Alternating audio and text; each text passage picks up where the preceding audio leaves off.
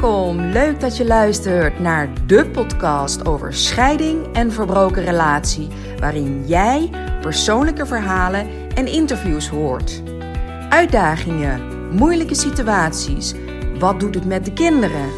Een kijkje in iemands proces, alles waar je tegenaan kan lopen. Ik deel het graag. Hoe pak jij je leven weer op na een relatiebreuk? Hoe kijk je weer positief de toekomst in? Hoe kan je met eenvoudige stappen houvast krijgen? Rust, vertrouwen. Dat is waar het mee begint. Ik heb er heel veel zin in.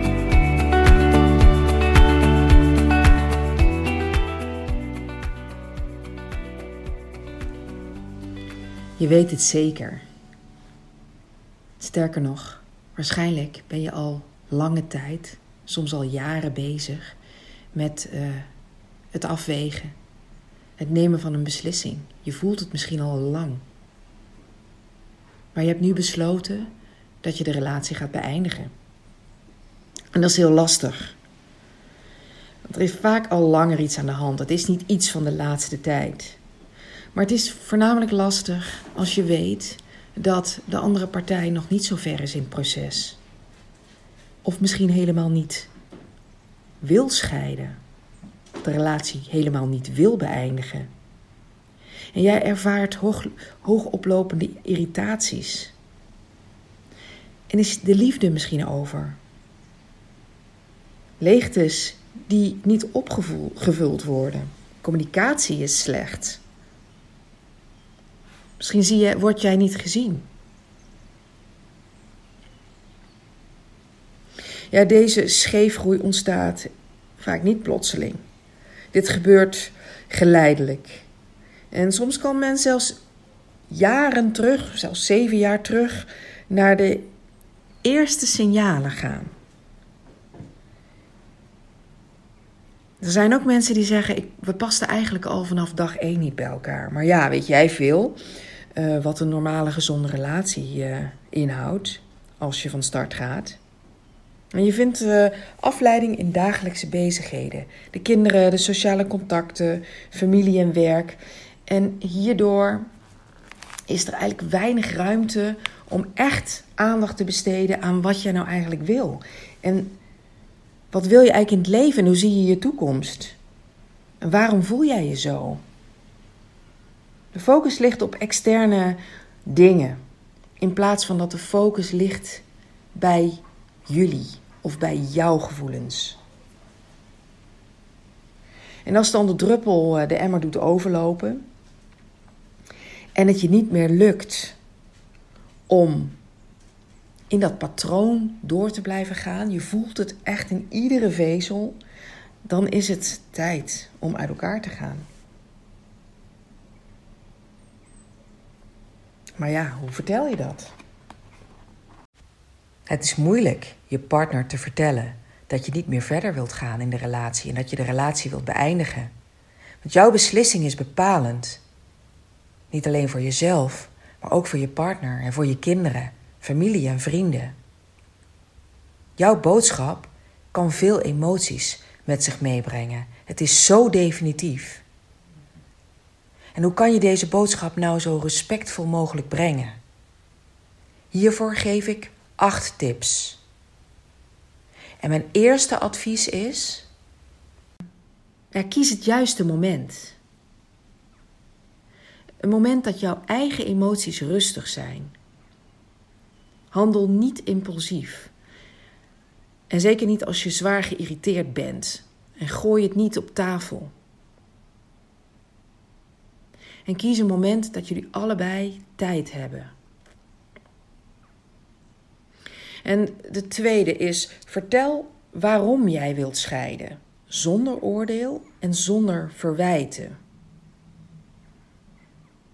Dus niet zeggen van ja, ik ben er helemaal klaar mee. Bepaald gedrag ben ik helemaal klaar mee. De manier waarop het gaat ben ik helemaal klaar mee.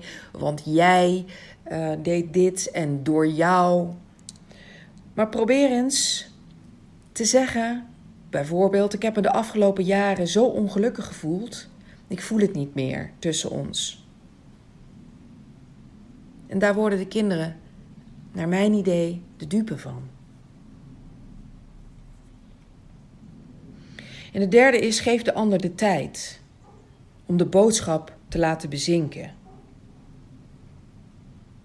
Ren niet meteen naar een advocaat of naar een mediator. Ook al wist de ander dat het niet lekker ging, een definitieve boodschap komt toch hard aan. Want jij bent al verder in het proces. Je bent ook emotioneel verder in het scheidingproces.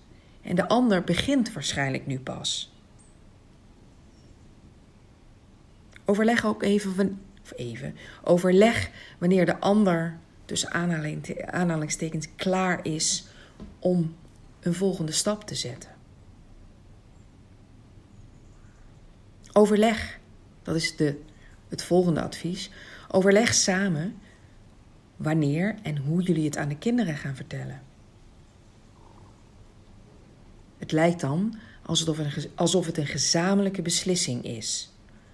Ook al is dat misschien niet zo. Want papa en mama zijn het samen eens. Dat is een veilige basis voor de kinderen. Kinderen zijn flexibeler dan je denkt. Maar, je, maar pak het wel op als een volwassene. Op een volwassen manier. Dus geen geruzies en getouwtrek, want dat is schadelijk. Dus het is inderdaad zo, kinderen zijn flexibel, maar het ligt er wel aan hoe je het aanpakt. Volgende wat ik uh, wil meegeven. Bespreek met elkaar wanneer en aan wie je het wil vertellen. Familie, vrienden. Want bemoeienissen en ongevraagde adviezen en meningen geven veel ruis. En dit kan extra spanningen geven en ook veel energie kosten. En die energie die kan je nou net zo goed voor jezelf en voor jullie proces gebruiken.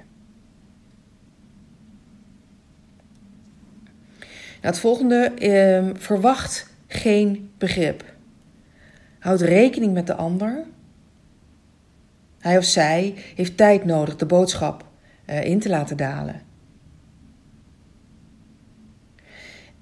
En zorg ook voor een rustige omgeving. Dus niet alleen, zoals ik bij het eerste punt zei, een rustig moment, maar ook een rustige omgeving. Ja, en als je de boodschap of als je mededeelt dat de relatie ten einde is, als je de boodschap geeft, dan geef je partner ook de ruimte. De ruimte voor emoties en verwijten en schelden. Kan allemaal, hè. Uh, verdriet en reageer niet. Laat het zijn. Want het kan zijn dat die boodschap totaal onverwachts komt. En dat hij of zij helemaal niet wil scheiden. En als de heftigheid is afgenomen, dan kan je dus voorstellen het gesprek op korte termijn te hervatten. Het moet even doordringen allemaal. Jij hebt die tijd al gehad. Ja, het volgende. Praat zonder verwijten. Praat vanuit jouw gevoel. Dit komt het minst aanvallend over. Denk eens aan de termen: ik heb het gevoel dat. Ik ervaar dat. Ja, wat zijn de voordelen eigenlijk van uh, het op een respectvolle manier uh, met elkaar in gesprek gaan of de, de scheidingsmelding op een respectvolle manier brengen? Het proces zal uh, sneller verlopen, ook het formele deel. De behoefte om dwars te liggen zal ook minder zijn. Meestal, hè? Hm. En je creëert een veilige situatie voor de kinderen. Ja, en ik kom er nu achter dat ik negen tips heb gegeven. Um, ik ga ze nog even heel kort opsommen. Dus de eerste Kies het juiste moment. 2. Vertel waarom jij wilt scheiden zonder oordeel en verwijten. Nummer 3 is geef de ander de tijd om de boodschap te laten indalen. 4. Uh, eh, vertel het samen aan de kinderen.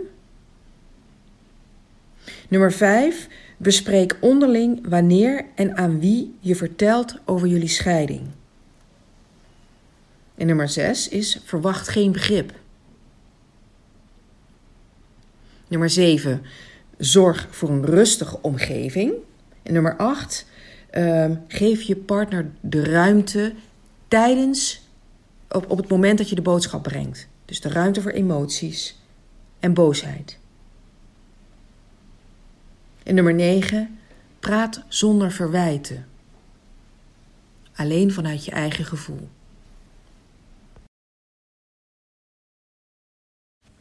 Hoe beleeft een ander het scheidingsproces? Is het geen je voelt? Is dat normaal? Hoort het erbij? Duurt het niet veel te lang dat ik me nog steeds eenzaam voel? Het idee dat ik niet vooruit kom. Het idee dat ik blijf hangen. Heeft een ander dat ook? En hoe gaan anderen eigenlijk om met de emoties en de eenzaamheid, ehm, het missen van het gezin? En hoe zien de verwerkingsprocessen van anderen eruit? Nou, is misschien wel leuk om te weten, want ik organiseer uh, live dagen voor gelijkgestemden, voor vrouwen in scheiding. En het is een samenkomst van beslissers en degene die geconfronteerd uh, worden of zijn met een scheiding. Uh, we luisteren en er is begrip. Het is een intense dag. Niets moet, veel mag.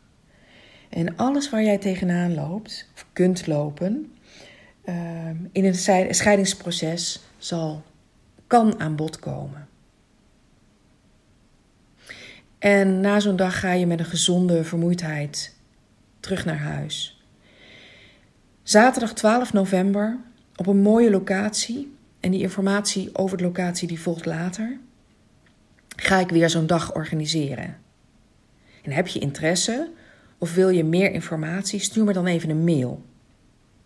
kara.karacares.nl Of je kan ook een bericht sturen via mijn DM op Instagram. Je bent echt heel erg welkom. Het zou leuk zijn als je erbij bent. Je bent echt niet de enige namelijk. Heel fijn dat je luisterde naar deze nieuwe aflevering. Ben je geïnspireerd geraakt en vind jij het ook zo belangrijk dat anderen zich gesteund voelen door deze verhalen, zich erin herkennen? Ja, want je bent niet de enige. Laat dan een review achter in bijvoorbeeld iTunes of deel het door middel van een screenshot op Instagram of Facebook. Daarmee help je mij, maar vooral anderen. Dank je wel voor het luisteren. Tot in de volgende aflevering.